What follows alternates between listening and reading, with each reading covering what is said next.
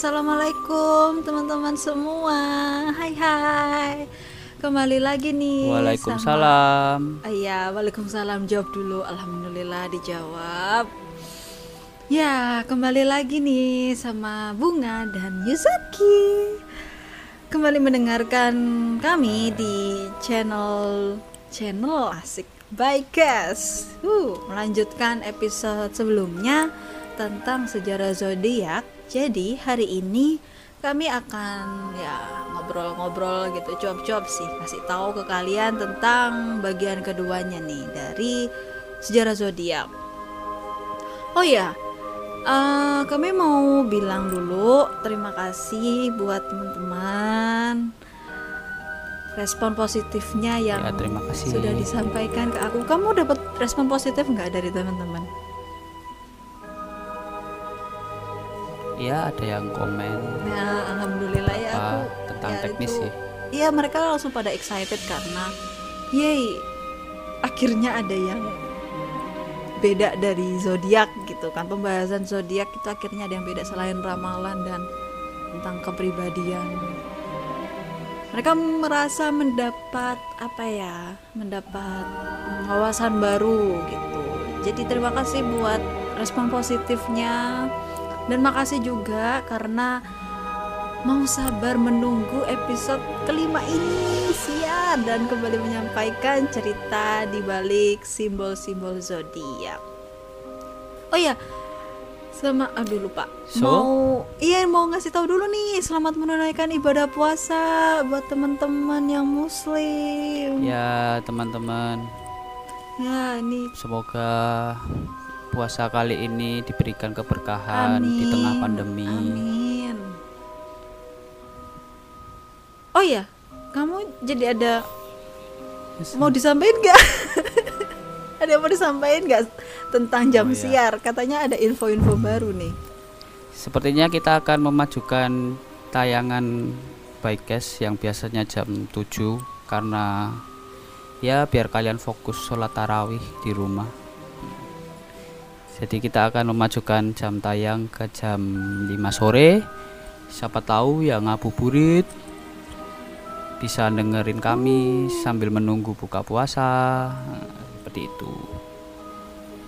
Biar tidak mengganggu ibadah. Orang-orang mah kalau nunggu buka puasa pada pantengin itu TV buat ngeliat azan. Oh nanti ada azan dari saya biar, pas Oh, kan oke siap. Yeay. nggak bercanda teman-teman. Oke, informasinya ten- itu aja nih tentang jam siar. Jadi jam 5 sore ya. Ya mm, selama bulan Ramadan ya teman-teman. Ya berarti cuma empat episode sih. kan Ramadan cuma sebulan dan kita cuma empat minggu tiap minggu sekali. Oh iya.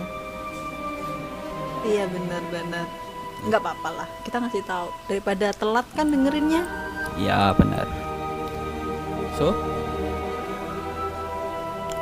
are you ready? Ready. Ya, eh, di episode kali ini yuk, kami akan mendongeng, ya, karena banyak informasi yang akan disampaikan. Semoga teman-teman nggak ketiduran ya. Amin. Jadi sesuai yang kemarin kami bilang bahwa setiap episodenya mulai dari episode ini cerita zodiaknya akan kami bagi menjadi tiga episode yang berarti ada empat zodiak dalam tiap episodenya dan kami akan menjelaskan, menceritakan, mendongeng sesuai dengan urutan dalam astrologi. Mm, bener banget. Jadi malam ini, eh ya dimulai dari sore ini berarti kan ya? Ya, pokoknya episode Oke, kali sore ini. ini. Oke, episode ini bagi teman-teman atau keluarganya atau pasangannya atau mungkin mantannya nih yang berzodiak Aries, Taurus, Gemini dan Cancer. Nah, tolong persiapkan telinganya baik-baik karena mungkin aja penilaian-penilaian yang kita tahu tentang zodiak itu berasal dari sejarah terbentuknya simbol. Waduh, gimana tuh ya? Gimana ya? Hmm. Agak Jadi berat. gini nih, mungkin aja kita salah menilai tentang zodiak itu. Jadi, oh zodiak itu terkenal karena dia begini-begini. Ternyata cerita di balik pembentukan simbol zodiak itu tuh begini dan begitu lah. Takutnya nanti kita jadi suuzoni ya kan, kan nggak Hmm. baik tuh. Maka dari itu daripada lama-lama kita cuap-cuap begini, tolong saudara Zaki mulai mendongengnya. Oke. Episode kali ini empat zodiak yang sangat dekat dengan kehidupanku. Ada orang-orang terdekat yang memiliki zodiak-zodiak ini. Eh, dan salah satunya adalah zodiak saya sendiri. Mari kita mulai teman-teman. Oke teman-teman, yang pertama urutan astrologi adalah Aries. Aries yaitu eh, zodiak untuk teman-teman yang lahir dari tanggal 21 Maret sampai 19 April. Simbol Aries merupakan pelambang dari seekor domba jantan yang simbolnya mirip seperti tanaman padi atau juga rumput. Oleh karena itu, simbol tersebut Aries diidentikan dengan kemunculan tanaman di musim semi. Wow. Unsur dari Aries adalah api, memiliki azas utama dan termasuk golongan maskulin. Sejarah Aries dimulai saat seorang peri awan bernama Nepel yang menikah dengan seorang raja bernama Atamus. Mereka dikaruniai dua orang anak yaitu Praxus dan Hele. Namun pernikahan Atamus dan Nepel tidak berlangsung lama karena Atamus bosan dengan Nepel. Astagfirullahaladzim, nggak boleh bosan. Astagfirullahalazim, nggak baik itu. Iya, akhirnya ia menikah lagi dengan Inu, seorang putri dari Raja Tebes dan dikaruniai dua orang anak. Inu yang licik ingin anak-anaknya dapat merebut tahta kerajaan dari Nepel dan kedua anaknya. Pada saat itu, jagung adalah komoditi paling berharga. Maka ia membuat kebohongan dan menghasut rakyat. Astagfirullahaladzim.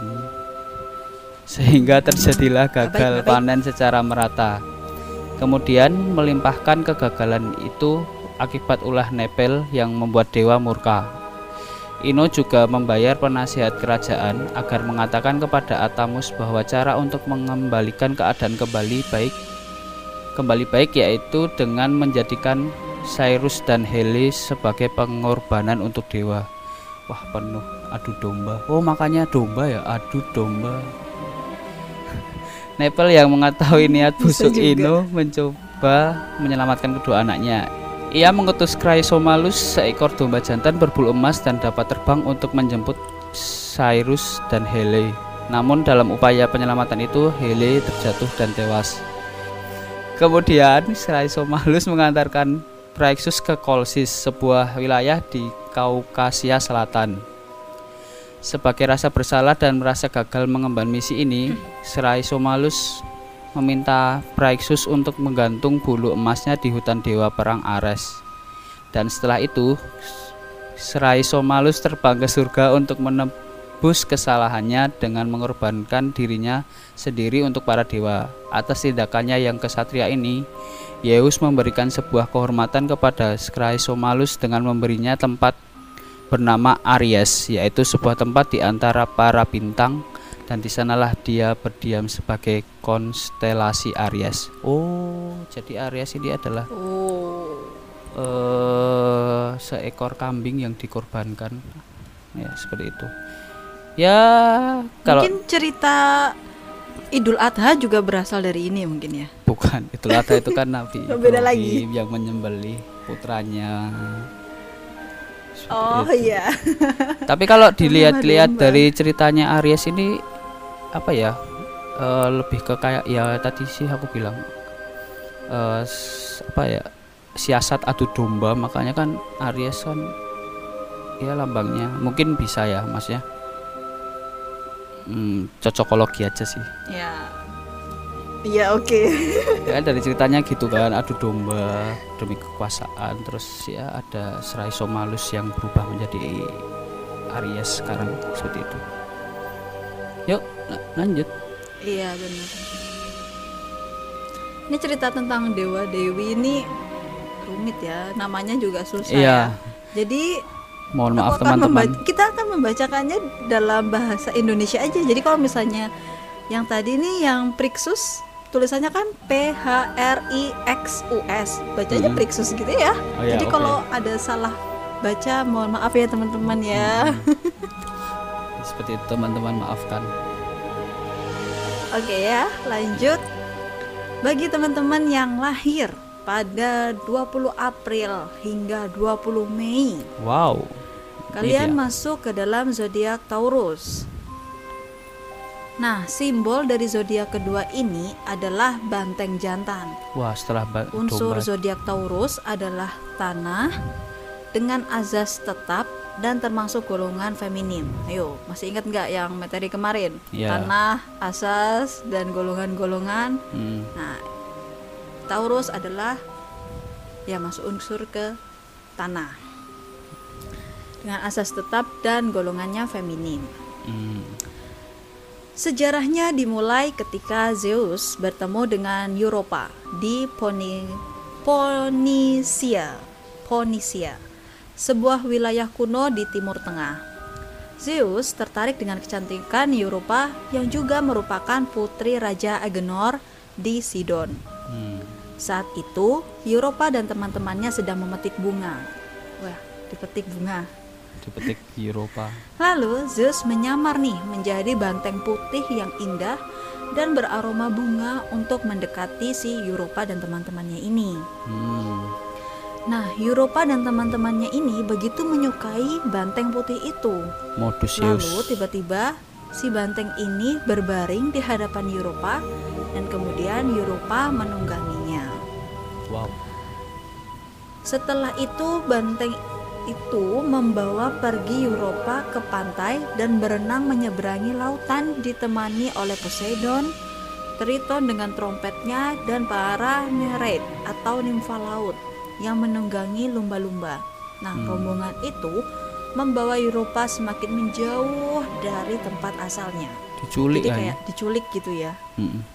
Iya benar. modus Zeus penculik Eropa Tapi si Euro- si Europanya ini nggak tahu kalau diculik ya kan. modus Polos banget nih. Kemudian Europa menyadari bahwa banteng itu sebenarnya adalah dewa Zeus dan dia mulai ketakutan ya baru sadar telat deng neng. Zeus lalu berbicara dengan Europa bahwa ia mencintainya dan meminta Europa agar tidak takut. Setelah itu Zeus membawa Europa ke Kreta. Kreta ini nama wilayah bukan kereta kencana dan menjadikannya ratu Kreta. Kemudian mereka berhubungan, ya Wow. kan, dan melahirkan tiga orang anak. Zeus mencitrakan ulang banteng samarannya ini di angkasa sehingga terciptalah rasi bintang Taurus. Seram ya, ini tentang penculikan, terus habis itu diperkosa pula ya kan? Kan kasihan tuh. dasar Zeus Jadi si Europe ya kan karena dibawa kabur terus ya kan tanpa persetujuan ayahnya apalagi ayahnya itu raja terus Mm-mm. tiba-tiba hilang begitu aja dan udah jadi ratu di kerajaan lain wilayah lain. Tragis ya. Kasihan sih. Sedih ya. Jadi silakan menilai sendiri teman-teman. Taurus ini wah ngeliat dari ceritanya ternyata ah begini. Ya nggak Ya. boleh menghakimi ya. Di sini kita harus bersikap netral. Hmm. aku berusaha untuk netral di sini kita ngomongin asal usul ya ini nggak tahu kan maksudnya dewa dewi ini dulunya ada apa enggak jadi ya iya itu juga mitologi. Oke lanjut ke zodiak ketiga setelah Taurus. Hmm ini adalah zodiak yang sering dibilang zodiak terjahat. Oke teman-teman. kenapa tuh untuk teman-teman yang lahir di bulan Mei tepatnya tanggal 21 Mei sampai 20 Juni yang berzodiak Gemini ya termasuk saya sendiri ironi sih menjadi zodiak yang dicap jahat. Tapi jangan asal ngejudge dulu. Siapa tahu cerita di balik Gemini ini malah berbanding terbalik dengan apa yang Iya, netral, netral dulu, netral. Iya, seperti itu. Hmm, oke teman-teman, sepertinya eh, sejarah zodiak kita ini akan men- menyelamatkan kita dari diskriminasi ini. Ya, semangat Geminian. Oke, mari kita membahas. Oke, jadi Gemini adalah zodiak ketiga dalam astrologi, memiliki simbol dua o- dua anak kembar. Eh, Gemini berunsur udara, memiliki azas berubah-ubah dan masuk dalam golongan maskulin. Asalnya eh, Gemini dari tokoh mitologi Yunani, Castor dan Pollux. Pada awalnya Leda adalah istri dari Tindarus, seorang raja dari Sparta. Ya, Leda sangat cantik sehingga Zeus tertarik dengannya dan mendatanginya dalam wujud angsa putih. Zeus datang dengan wujud angsa putih. Kemudian Leda bertelur sebanyak dua buah dan salah satunya adalah milik Zeus. Dua buah telur itu menetaskan empat orang bayi, yaitu Clytemnestra dan Castor. Kemudian Pollux dan Helen. Sebagai anak dari dewa Zeus, Pollux dan Helen hidup abadi, namun kita akan fokus pada cerita Castor dan Pollux. Kedua putra Leda. Walau berbeda ayah, Castor dan Pollux sangat akrab dan menjadi kesatria yang gagah berani. Dalam peperangan melawan putra raja Idan, Castor gugur. Pollux yang begitu menyayangi saudaranya merasa terpukul. Ia memohon kepada ayahnya untuk mencabut keabadiannya agar ia dapat menyusul Castor. Wow, sangat setia sekali ya dengan saudaranya. Wow. Zeus memenuhi permintaan anaknya dan Pollux pun menyusul Castor. Melihat kesetiaan Pollux, Zeus terharu dan mengangkat keduanya menjadi konstelasi bintang sebagai rasi Gemini. Nah, begitu teman-teman, hmm, cerita yang mengharukan dari dua anak beda ayah ini. Itu kan Gemini itu setia yo, bukan jahat. Setia loh sebenarnya. Iya, kita tuh memang Iya, kan? baik. Tuh kayak Terus kenapa jadi zodiak terjahat tuh? iya, Didiskriminasi kalian ini. Iya, tuh. Kita tuh kayak kastor itu loh. Kita tuh abadi tapi nggak mau si, gimana ya? Kayak gitulah. Kita tuh baik ke semua orang. Kayak kastor yang setia kepada Poluk. Oh, kebalik, Deng. Poluk yang setia Kebalik, kepada kastor, iya. Kayak gitu. Iya. Jadi ya jangan kayak gitulah. Tapi nih, kamu kan sebagai orang Gemini, apakah kamu adalah orang yang benar-benar setia? Jeng jeng jeng. kesetiaan Ya, tuh mikir, guys. iya, su- susah dinilai teman-teman jadi ya mencoba untuk setia seperti itu aku tuh kayak gitulah ya, ya kayak gitu Oke. iya Mungkin ada teman-teman yang berzodiak Gemini atau eh, circle-nya ada zodiak Gemini gimana? Merasa gak sih kalau orang Gemini itu jahat? enggak kan Atau mungkin aku nggak jahat kan untungnya tidak, untungnya. Ya teman-teman Tapi nih kalau boleh jujur ini ya, Mm-mm. eh, orang-orang terdekatku juga banyak banget yang Gemini dan aku baru tahu kalau Gemini adalah zodiak terjahat itu asalnya dari kamu loh. Eh, itu dari ini sih omong-omongan netizen Kayak Nah. gitu Aku baru dengar omongan-omongan itu juga dari kamu. ya Jadi kayak aku kaget gitu, hah? Karena ya orang-orangku yang Gemini-Gemini ini ya untungnya baik-baik sih. Semoga tetap baik. Iya, kita memang pada dasarnya baik, tapi suka disalahartikan seperti itu. Jadi yang mungkin membuat Tuh, jahat tuh kayak gitu. teman-teman. Ah, terlalu baik. Ya mungkin orang pihak sananya terlalu berharap. Nah, I don't know. Ya gitulah. Ya penilaian orang-orang kan beda-beda kan. Kita juga nggak bisa.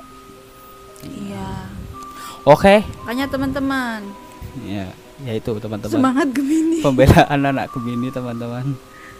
Oke lanjut saja teman-teman. Oke, ya ya. Kita akan lanjut nih pada cerita sejarah zodiak terakhir di episode ini. wow sudah terakhir ya. Jadi teman-teman yang kelahiran 21 Juni sampai 20 eh 21 Juni sampai 22 Juli. Hmm, Ayo angkat tangan. Saya bukan. bukan Saya bukan Juli, eh bukan Cancer, teman-teman. Jadi, posisi keempat ini yaitu Cancer memiliki simbol kepiting. Dan Cancer ini berunsur air, masuk dalam asas utama dan masuk ke golongan feminim.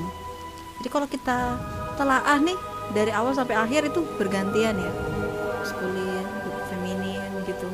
hmm? Ada yang Iya. sadar nggak? Nggak ya? masa sih Iya, beneran.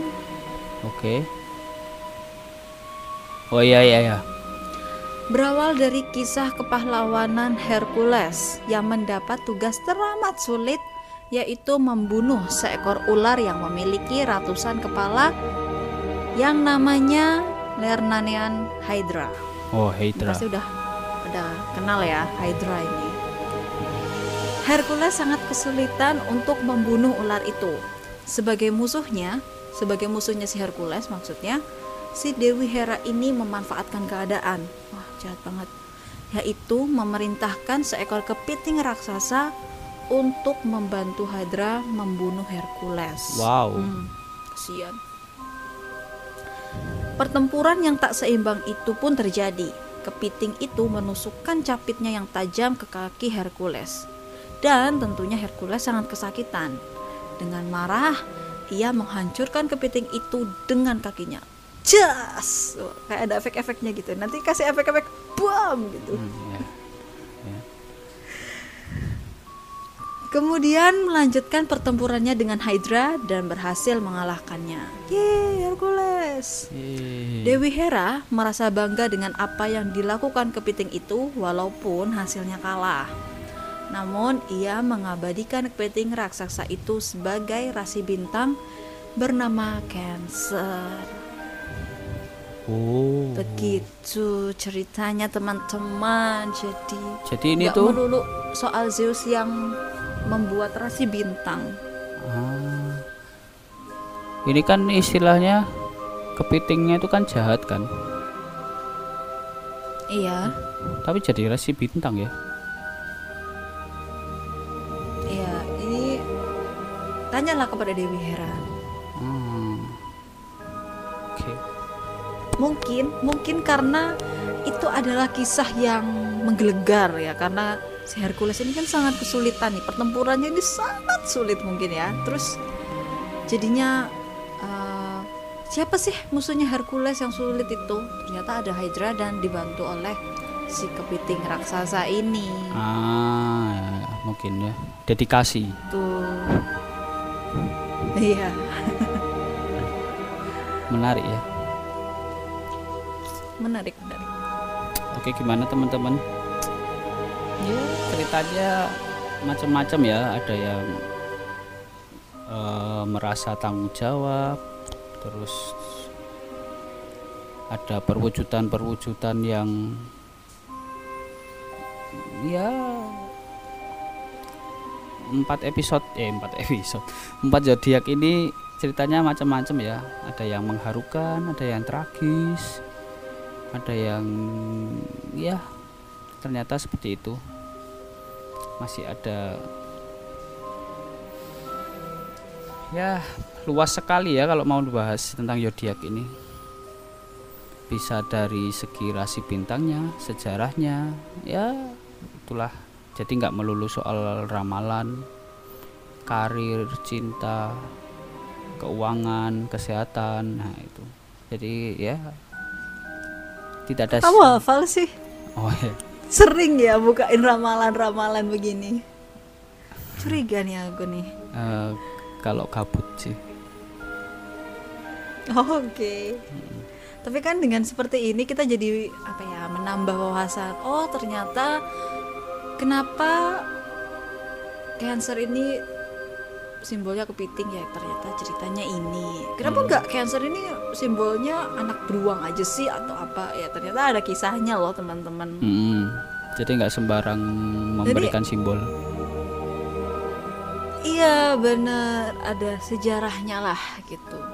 Ini jujur nih ya, aku yang nggak ngerti sama sekali tentang apa ya zodiak ya ya seperti yang kamu bilang kan biasanya kalau tentang zodiak apa sih yang pertama kali kita pikirin ramalan lalu oh zodiak ini kepribadiannya adalah ini dan ini ya seperti itu ternyata ya jadi tahu gimana sejarahnya Hmm. terus gimana pertanyaan-pertanyaan yang selama ini mungkin ada tapi ya udahlah mungkin dari sananya kayak gitu Hmm.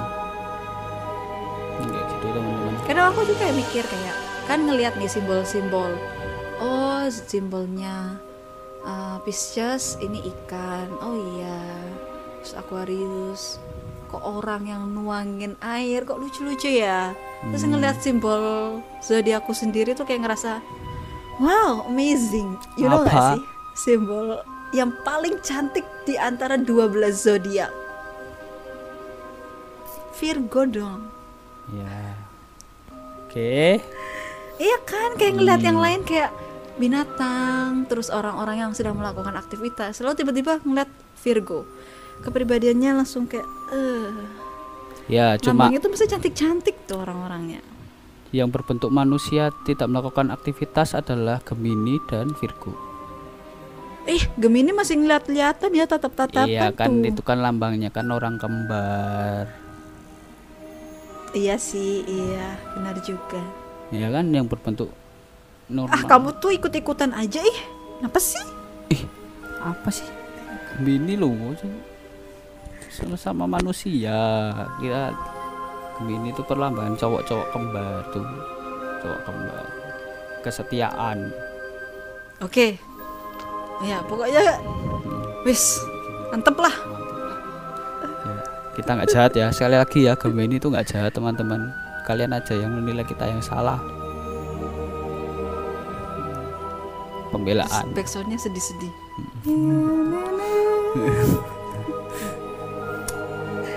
Ya, seperti itu. Lihatlah, dengarkanlah orang-orang yang terzolimi ini. Wahai orang-orang yang menzolimi Gemini. Aduh, ya seperti itu loh kisahnya kan sebenarnya kan malah kesetiaan kan bukan tidak ada jahat jahatnya loh padahal iya, iya. Waduh, ada yang pembelaan ya, ada yang pembelaan. ya itu poluk sama si siapa tadi sama kastor tuh dia Iya, jadi teman-teman kalau mau menilai tuh juga eh, apa ya? Jangan langsung saklek percaya gitu. Mm. Kan kemarin kita sudah bilang ada unsur tanah, ya ada api, air, udara dan ada asas-asasnya juga. Mm. Lalu masuk ke golongan-golongannya juga. Jadi Mm-mm. secara tidak langsung itu menjelaskan juga tentang kepribadiannya. ya seperti gitu, itu jadi- Walaupun memang nggak sama persis, tapi pasti ada lah satu dua yang melekat di zod- di orang itu tentang zodiaknya. Mm-mm. seperti itu oke teman-teman sebelum saya melakukan pembelaan-pembelaan lagi sepertinya kami akan mengakhiri saja episode kali ini daripada nanti aku bikin demo Ya. hashtag Gemini tidak jahat Nah, Oke. jadi kita akhiri Nanti saja judulnya ganti nih, bukan Iya. episode kedua, bukan part 2. oke Judulnya pembelaan Gemini ini. ya klarifikasi anak-anak Gemini ya dicap jahat Yang kamu harus kumpulin para Geminian, terus kalian bikin podcast bareng, khusus special episode. ya oke mungkin besok ya kalau sudah selesai tentang sejarah-sejarah tentang gem- zodiak zodiak ini mungkin Baikes akan membahas Oke, tentang pembelaan-pembelaan orang-orang terzolimi seperti itu Oke, teman-teman. teman-teman kita akan di demo.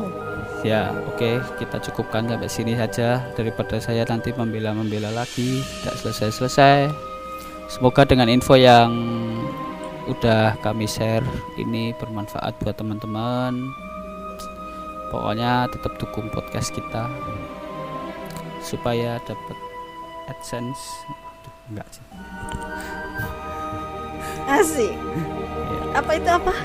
Tiba-tiba tidak terdengar. Oh, iya. Masih susah sih kalau podcast nyari duit. Jadi ya dukung kita aja teman-teman supaya tetap bisa siaran setiap malam minggu. Bisa up terus menemani malam minggu kalian. Ya, seperti itu. Oke. Mungkin itu Saudari Bunga apakah mau promosi juga untuk podcastnya yang satunya? Yeay, terima kasih sudah ditanyakan. ya jelas maulah kalau buat promosi mah untuk menaikkan audiens saya. Asik. Audiensnya kalah sama Baikas ya? Ya jelas dong kalau pribadi sama yang berdua begini mah beda gimana? Mungkin bisa lah besok. Jadi eh, buat teman-teman apa-apa-apa Mm-mm, menambah uh, pendengar collab lagi collab lagi collab lah sama aku di podcast satunya Oh gitu, collab. Iya, siapa tahu aku kan pelaris podcast Oke, siap. Jadi isinya podcast kita ini ya kita-kita aja gitu ya. iya Entah itu podcastku atau podcast kita, ya isinya kita-kita aja. iya bosan nanti ayo promosi Jadi buat teman-teman, iya ini aku mau promosi Oke, ya ampun.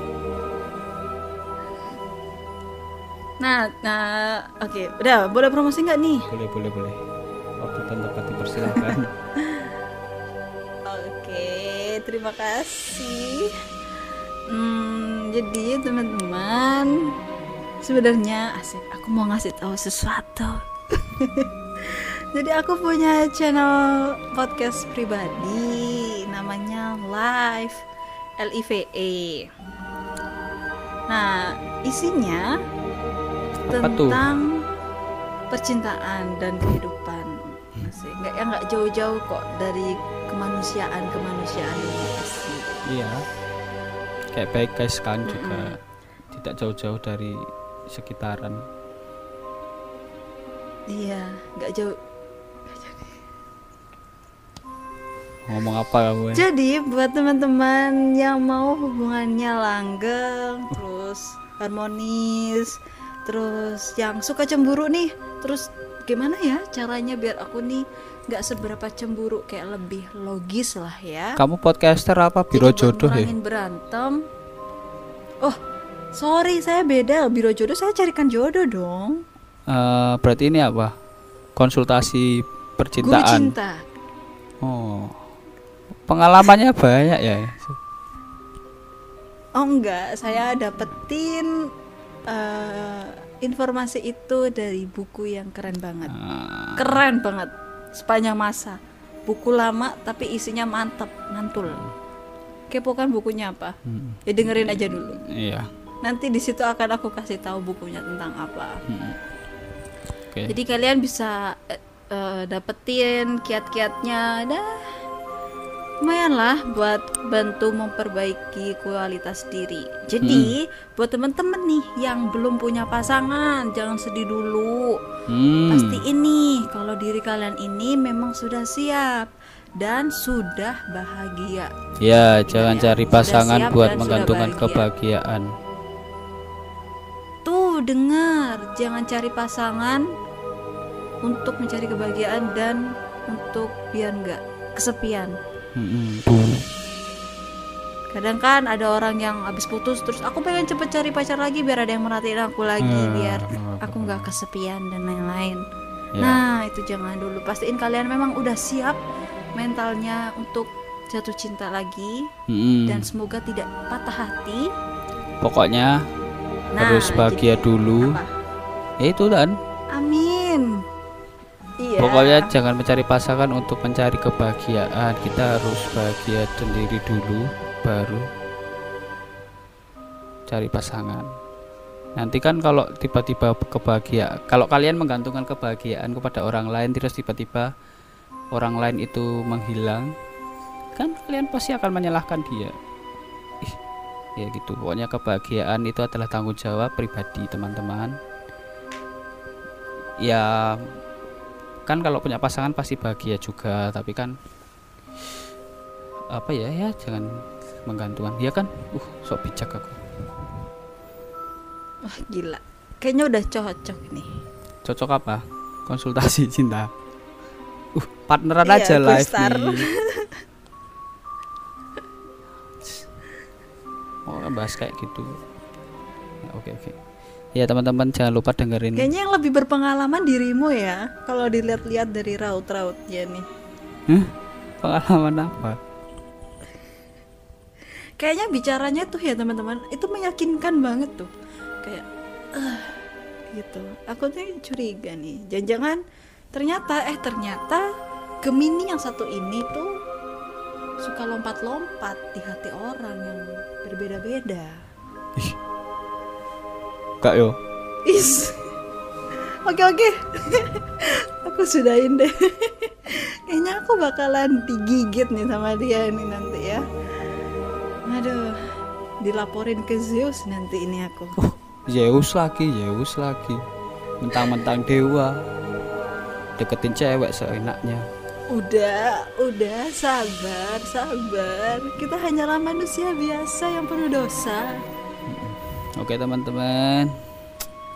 Biar kalian tidak banyak dosa, memperbaiki kualitas diri, dengarkan podcastnya Bunga live setiap hari Jumat jam setengah satu siang. Ya kan? Jam satu siang, siapa bilang setengah satu siang? Eh, kemarin kayaknya ada yang bilang jam setengah satu deh. Oh, kok inget aja sih? Ya, pokoknya antara jam setengah satu sampai jam satu. Ada yang mau tambahin? Promosi? Sudah, Oke, sampai jumpa di minggu depan. ya. Sekian dari podcast kami. Tetap dukung kami ya teman-teman. Oh ya, sekali lagi selamat menunaikan ibadah puasa Selamat berpuasa. 1441 Hijriah. Tetap Yeay, minal aizin wal faizin. ya tetap stay at home stay safe and stay healthy biar tetap sehat walaupun puasa And stay happy. oh ya itu Happy-nya jangan happy. lupa. ya penting Jangan stres. hmm benar jangan stres ya teman-teman penting itu penting juga teman-teman eh kesehatan Iyalah, psikis benar.